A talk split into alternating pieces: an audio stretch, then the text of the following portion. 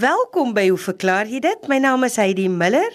Vandag gesels die ekoloog Duif Peppler, Yuri van den Heever, die paleontoloog en dan gesels die teoretiese fisikus Hendrik Geier vanuit die ateljee van telematiese dienste aan die Universiteit van Stellenbosch. Duif is eers aan die woord en die brief kom van Jan van Heerden. Na aanleiding van die verskeie brande by die Amazonewoude het hy 'n paar vrae oor suurstof. Hoeveel kilometer beslaan ons suurstofdraande atmosfeer? Is die eerste vraag. Dan wil hy weet hoeveel suurstof gebruik 1000 vragmotors? En dan wil hy ook weet as daar geen wind oor die Sahara woestyn sou waai nie, sal suurstof opraak omdat daar geen plante groei is nie.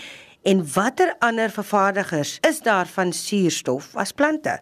Dis die vraag van Jan van Heerden, Dave Peppler, oor na jou. Hallo Heidi en kollegas en luisteraars. Ja, suurstof, alom bekend as O, die simbool O, is 'n chemiese element, 'n reaktiewe element wat uh, oksides vorm met meeste ander elemente, roes, hematiet, limoniet. Maar dit is 'n baie algemene um, element. As 'n mens dink uh, gemeet aan massa, is dit die derde mees volop um, element in die heelal, na helium en waterstof. Dit is 'n reuklose gas en om en by 20% van die atmosfeer bestaan uit suurstof.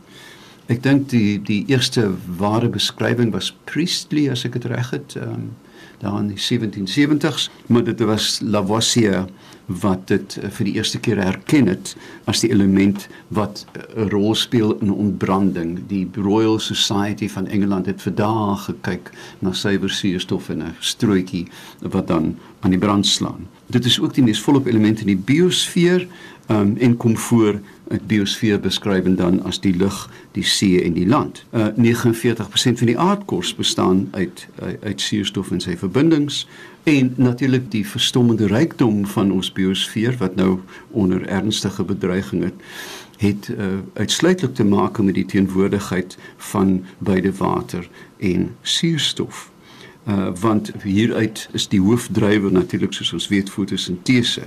Nou die hoof uh, as 'n mens dit sou kan noem verbruikers van suurstof op die lewende aarde is natuurlik respirasie, ding goeders wat asemhaal, ontbinding, komposhope en en dis meer en natuurlik ook verbranding die verbranding van die woude van die aarde maar ook vir binnebrand masjiene wat ons voertuie aandryf. En suurstof het eintlik uh, redelik vroeg al verskyn, eers 2.5 miljard jaar gelede en daar het die fabelagtige ontploffing van lewe op aarde natuurlik begin. Nou, nog 'n vraag is hoe hoog is die atmosfeer? Suurstof is konstant versprei teenwoordig deur die atmosfeer, maar ons weet natuurlik met die hele klomp fisiese wette wat bepaal natuurlik hoe hoër jy gaan in die lug, hoe minder word die druk byvoorbeeld. Ons weet byvoorbeeld dat met binnebrand engines so stralers dat hulle nie normaalweg hoër as 10000 meter vlieg nie. Dis 'n komplekse som wat gemaak word en daar is natuurlik uitsonderings die fabelagtige SR71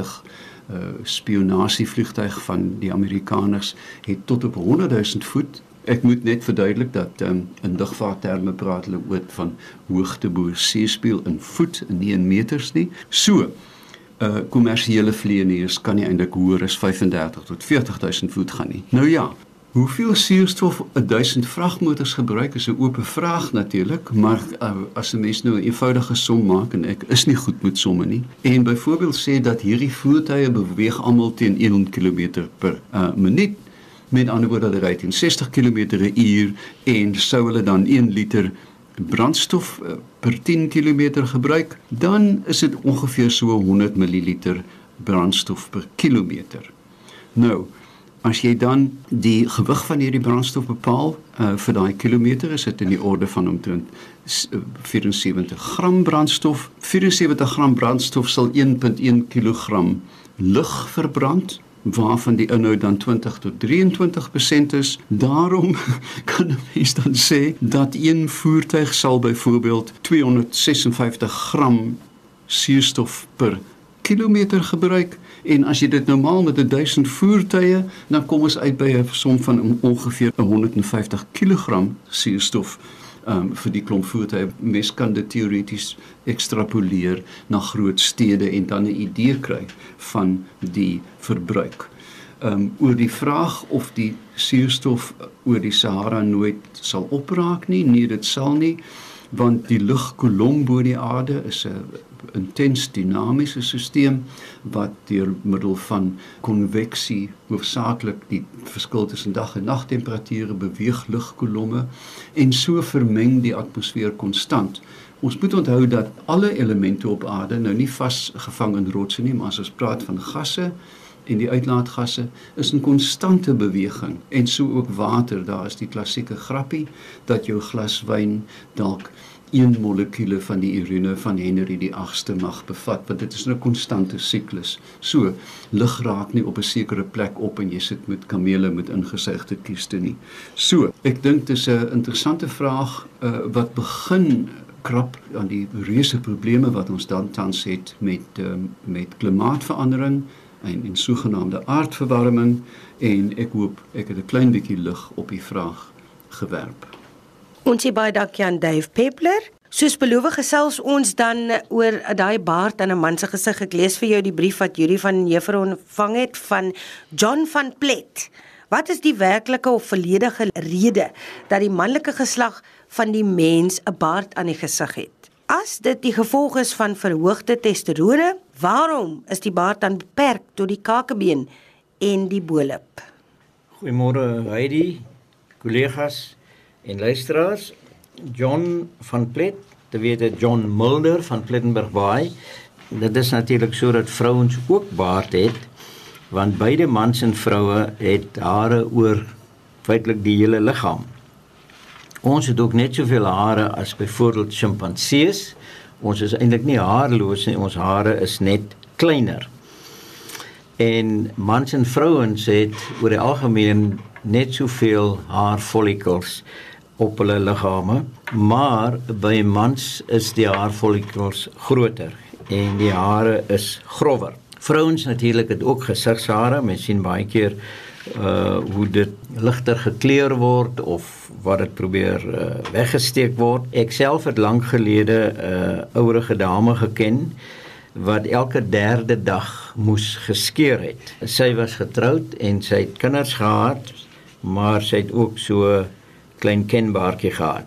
Ons stam af van uh, harige voorouers wat uh, eintlik woudbewoners gewees het en klimaatsverandering is nou baie prominent deesdae, maar dit het reeds al in die verlede ook gebeur. En klimaatsverandering in Afrika miljoene jare gelede het gesorg vir die inkrimping van die oerwoude en die ontstaan van die savanna van die oop vlaktes, min bome, lang gras en baie warm en op daardie stadium met ons voorsate die savannas beset of besoek of gejag daarop hulle was teen daardie tyd al twee bene gebiepedaal gewees en om in die warm omgewing met 'n harige dos uit te gaan het beteken dat ons hare nie verlore gegaan het nie maar ons die hare het kleiner geword uh sodat ons nie oorverhit op die savanna nie. En daar word allerlei redes aangegee hoekom ons die spesifieke haarpatroon het wat ons vandag het, soos byvoorbeeld op die kop, help dit om um, die uh, kop koel te hou teen die uh, skerp sonlig en die vraag word dikwels gevra uh, hoekom Afrika mense sulke krullerige hare het en dit is van die beste beskerming teen sonlig want dit vang ook 'n uh, luglaag vas wat uh, oorverhitting keer en dit help met afkoeling. Die wenkbroue is duidelik as 'n mens 'n aktiewe sportman is, dan keer dit die, die sweet in jou oë loop. Uh so wenkbroue het 'n spesifieke doel. Dis die patroon van hare oor die menslike lyf het 'n uh, spesifieke rede hoekom dit so ontwikkel het en daar word algemeen aangeneem dat die gesighare by mans wat baie prominent is is eintlik 'n sekondêre geslagskenmerk. Die spesifieke haarbedekking en hoe dit lyk word wel John beïnvloed deur testosteron maar veral deur 'n uh, byproduk, 'n neuweproduk van testosteron, die hidrotestosteron wat eintlik die haarfollikels teiken wat die haarfollikels groter maak en wat die hare uh, grower maak. Nou daar word daagliks omtrent so 10% van die testosteroon omgesit in dihidrotestosteroon wat dan hierdie funksie vervul. As 'n mens nou kyk na uh jong seuns wanneer hulle puberteit bereik, dan ehm uh, word die sagter welleshare of donshare wat op die gesig en of ander plekke op die liggaam is verander na hierdie grouwe terminale hare. Nou mense moet nou net daarop let dat hierdie welles word gespel met 'n V en nie 'n W nie. Ander plekke waar die uh, hare behou word is byvoorbeeld onder die arms en om die geslagsdele en die redes hiervoor word uh, gegee dat dit die natuurlike liggaamsgeur van die mens vasvang en dat dit dan dien as 'n seksuele stimulant. Nou daar is van die navorsers wat beweer en hierdie goed is natuurlik nou nie in beton gegiet nie, maar uh wat sê anders as wat die vervaardigers van reukweerders glo hou mense eintlik van hulle natuurlike geur. Nou ons moet besef dat hormone is baie komplekse goed eh, wat kan maak dat die haarkleed by verskillende mense grootliks verskil. Byvoorbeeld uh mans van 'n mediterrane uh agtergrond het gewoonlik donkerder en digter hare terwyl mans van uh die Asiatiese dele Asië kan dikwels haarloos wees of baie min hare hê. En uh die populêre idee dat as jy nou min hare het en jy het uh, miskien min testosteroon dan as jy op een of ander manier nou nie so manlik uh as ander mans nie. Ehm um, dan moet mense nou daaraan dink dat daar word gesê dat 'n persoon soos Genghis Khan wat uh van Mongolië afkom en waarskynlik nie 'n digte haarkleed oor sy liggaam gehad het nie, baie kinders verwek het. Hy word ook beskuldig van baie verkrachtings en genetiese het nou bepaal dat in die omgewing uh, waar hy werksaam gewees het, kan hulle vandag uh, ongeveer 16 miljoen mense naspoor uh wat van sy lyn afkomstig is. So hy was miskien met 'n lae hoeveelheid testosteroon was hy waarskynlik seksueel baie aktief. Die verklaring hoekom mans nou baardare het is en het te doen met testosteroon, maar ek het gesê dis waarskynlik 'n sekondêre geslagskenmerk dat dit in daardie geval mans help. Daar is uh opnames wat wys dat uh, vrouens dikwels mans met baarde verkies dat dit ehm um, gesê word dat so mans met baarde met volbaarde is dominant en uh aggressief en uh die baard dui daarop dat dat dit 'n gesonde persoon is wat nou goed sal voortplant. Maar daar is ook 'n ander stem in die verband wat sê dat die die prominente baarde van baie mans en selfs in die diereryk ook dink maar aan leeu's met die kraag, die kraagmannetjies, dat dit eintlik nie dominansie teenoor vrouens is nie, maar dat dit dominansie teenoor ander mans is in kompetisie vir vrouens. So ehm um, dat dit eintlik nie teen vrouens werk nie maar uh teen ander mans. En dieselfde argument word dan uh, gegee hoekom vrouens uh min hare het, uh, relatief klein haartjies oor die liggaam is dat dit dan 'n voorkoms van 'n baie jong individu gee en die sein die seksuele sein daar is weer dat dit 'n jong gesonde gesellin is wat dan waarskynlik ook 'n gesonde nageslag sal produseer. So John, baie van hierdie stories is uh en ek noem dit stories want uh daar is van hierdie opnames wat nie in beton gegiet is nie, maar wat dit onderstreep is die feit dat daar redes is hoekom mans en vrouens so lyk en dat dit in 'n groot mate te doen het met die afskeiding van die hormone in die liggaam. Julie, dis wel interessant dat um, een van die afskeidings in sweet androstenol vir vrouens wat ovuleer baie aantreklik is en die oomblik as uh, ovulasie oorgaan, vind hulle dit afstootlik. So daar's daai klein venster van aantreklikheid. Baie dankie Julie van en Jeffer. Hendrik Geier, jy's volgende. Uh, dankie Heidi, môre kollegas, luisteraars. Ek gaan aandag gee aan 'n uh, e-pos wat ons van Johan van Danabaai ontvang het. Um, hy skryf dat hy onlangs weer 'n autogiro of 'n meulvliegtuig oor Mosselbaai sien vlieg het en dat hy nie kan verstaan hoe die voorwaartse beweging deur die lug wat deur 'n skroef soos die van 'n normale vliegtyg veroorsaak word, so 'n vinnige rotasie van die groot rotor wat die ding soos hy stel in die lug moet hou en om 'n naas by vertikale as draai veroorsaak nie. Uh, dit gebeur natuurlik ook by 'n gewone helikopter. Uh, maar by die meelvliegtuig uh, is daar natuurlik nie 'n engine wat die rotor aandryf nie en hy wil nou 'n bietjie groter duidelikheid hê oor hoe uh, die werking van so 'n autogyro of 'n meelvliegtuig uh aan mekaar steek. Hy sluit af deur te sê die vraag maak hom rasend. Nou ja, ek hoop uh na die bietjie gesprek wat ons hieroor gaan voer Johan, voel jy 'n klein bietjie rustiger alhoewel ek moet sê dis 'n saak wat wat nogal redelik tegnies kan raak. So ek sal nie aan al die tegniese aspekte kan aandag gee nie, maar kom ons kyk waar kom ons met die gesprek.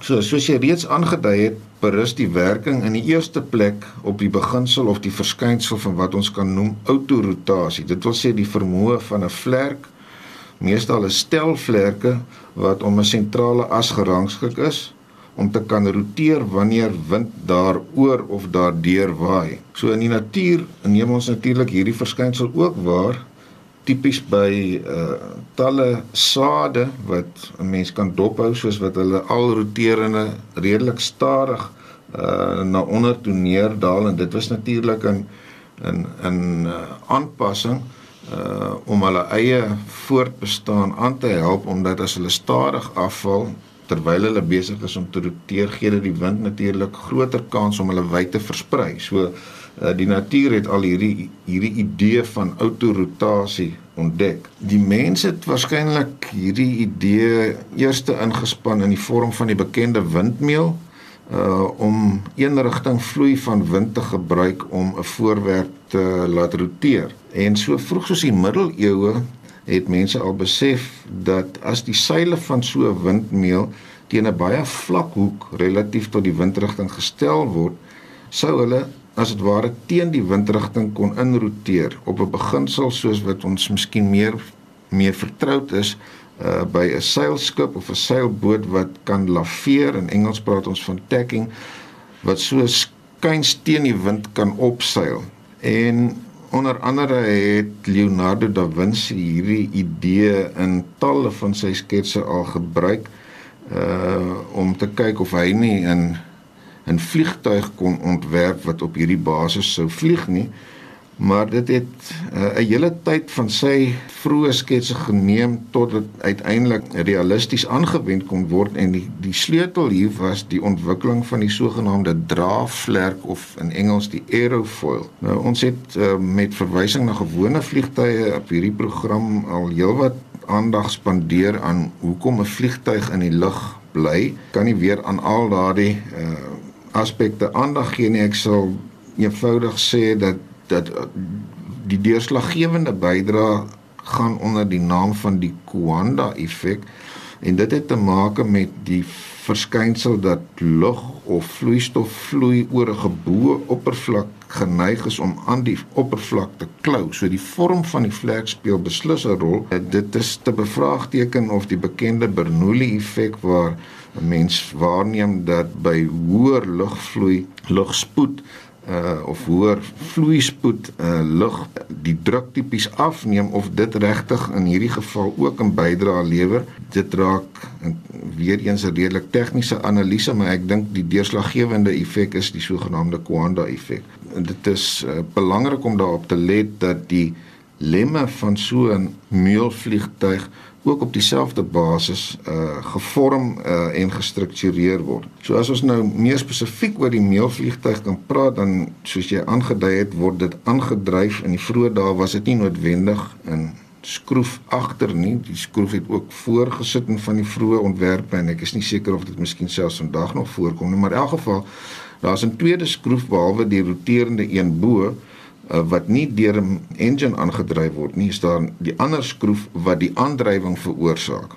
en wat dan uiteindelik beweging relatief tot die bestaande lug meebring.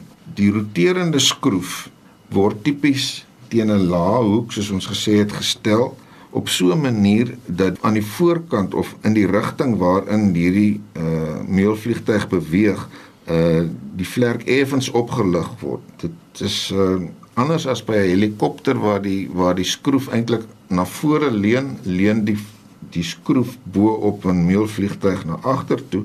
Wat beteken dat die wind eintlik deur die skroef na bo waai om nou die kragte op hierdie skroef verder uh, te analiseer is dit regtig baie makliker as 'n mens 'n sogenaamde vektor diagram kan teken van al die kragte wat op die skroef teken nou ons kan nou nie hier uh, na 'n vektor diagram kyk nie Johan so jy sal nou maar moet verlief neem met die feit as ek net sê uh, dat die lug vloei oor 'n oor enige draagvlek tipies beide in styg of draagkrag veroorsaak opwaarts en ook 'n sleurkrag en die resultante krag is uiteindelik opwaarts. Uh, wat dan nou tipies gebeur in in so 'n in 'n meelvliegtuig is dat die skroef wat die meelvliegtuig vorentoe laat beweeg bring ook mee dat lug opwaarts deur die skroef gedryf word as dit ware. Dit veroorsaak die rotasie en as 'n mens nou na die kragte gaan kyk wat onder daardie omstandighede op hierdie roterende lem werk, dan is die resulterende krag 'n opwaartse krag, met ander woorde die ding bly in die lug. Nou, ek kan hier miskien twee stukkies geskiedkundige inligting byvoeg. Ehm um, weet jy, dit was maar 'n kwessie van probeer en tref aanvanklik.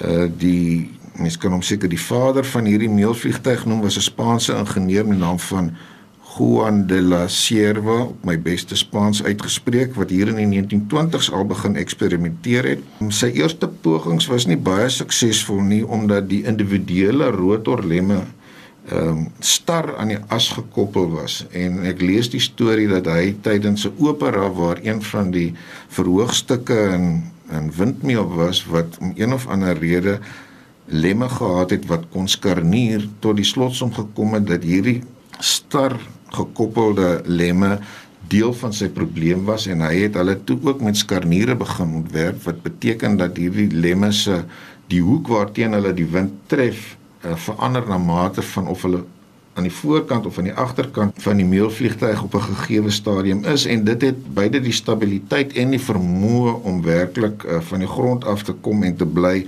aansienlik uh, bevorder. Ek kan afsluit of ek sal afsluit met uh, net 'n stukkie interessante inligting dat sogenaamde vlug of nie sogenaamd nie invlugkommandeur in die Britse lugmag met die naam van Ken Wallace verskeie van die vlugrekords vir meelvliegtuie hou. En een van die indrukwekkendste hiervan is dat hy in 2002 op ouderdom 89 die vlugspoedrekord van 207,7 km per uur gemeet oor 'n afgemete 3 km afstand opgestel het. So en, en nog meer in 'n in 'n ontwerp waarvoor hy self verantwoordelik was. So Ken Wallace was duidelik beide 'n suksesvolle ontwerper van meelvliegtuie en ook 'n besonder suksesvolle loods van hierdie goed. So Johan, ek is bevrees ons het nie by al die detail van 'n meelvliegtuig uitgekom nie, maar die feit van die saak is dat met die regte hoek teen die windrigting in en die feit dat die meelvliegtuig aangedryf word was sorg dat die wind deur die skroef waai. Dit veroorsaak nommer 1 die rotasie en verder uh, as 'n mens na die kragte op daardie skroef kyk uh, dan is die resulterende krag 'n opwaartse een so die ding kan in die lug bly en deur daardie hoek te verander en dit kan kan meelvliegtuig loodse skynbaar redelik op so 'n manier doen dat die ding uh, baie meer beweeglik kan wees as as tipiese vaste vlek vliegtye of uh, of selfs helikopters so die die hoek waarteen die ding kan draai uh, kan op hierdie manier goed beheer word. Uh, dit het ook die voordeel dat dat dit besonder veilig is alhoewel daar uh, lyk my 'n rekord is van ongelukke met hierdie goed maar as die dryflem se masjien sou stol of ophou werk, uh, dan val hierdie ding uit die lug nie. Hy fladder na onder soos wat ons aan die begin gesê het, 'n tipiese blaar sou maak. Die rotorlem bly aanhou roteer en en normaalweg veroorsaak dit 'n sagte landing. So Uh, ek hoop jy uh, is 'n bietjie minder rasend van bekommernis uh, as jy op die internet 'n bietjie gaan rondkrap sal jy uh op sketse afkom wat die uh, vektordiagramme waarvan ek gepraat het baie mooi verduidelik en dan sê jy dink ek nog uh, tot groter insigte kan kom oor hoekom die meelvliegtuig in die lug bly. Uh klomp jare gelede het 'n vriend van my een van die goed gehad en niemand wou saam met hom vlieg in die vriendegroep nie. En vir een of ander dom rede het ek ja gesê. En dit was 'n wonderlike ervaring geweest. Maar my herinnering is dat die dinge koppelaar gehad het dat as jy voor jy wegtrek dan stel hy nou die koppelaar in aksie dan's die masjien verbind met die groot rotor. En dan begin hy die groot rotor draai. Sodat jy as jy opstyg spoed bereik dan draai die rotor reeds en dan ontkoppel hy die die rotor en van daar af uh vlieg jy nou terwyl hierdie ding soos amper soos 'n valskerm vir jou in die lug hou. En dis inderdaad soos jy nou tereg gesê het, het hy dit ook genoem dat as die aandryf uh masjien sou gaan staan, dan werk die groot rotor amper soos 'n valskerm. Hierdie dankie vir die opmerking. Dit is dit is duidelik in in in die nuwer generasies van hierdie meelvliegtuie die geval dat dat die groot rotor op hierdie manier aan die gang gesit moet word. In heel vroeë eksperimente lees jy dat daardie groot rotor uh deur mense meganies aan die aan die draai gesit is nie altyd met ewe groot sukses nie dat perde ingespan is om die ding aan die draai te kry en allerlei maniere net om om om jy weet aanvanklik daai minimum rotasiespoed te kry sodat die ding uh, wel in die lug kon kom. Uh, maar dit is dan deesdae gelukkig nie meer moontlik vir die of die vliee of nie nodig vir die of die vlieënier of ander partye om daardie werkie te doen. Baie dankie aan ons gaste Dave Peppler, Yuri van den Heever en Hendrik Geier. Ons gesels aanstaande week verder.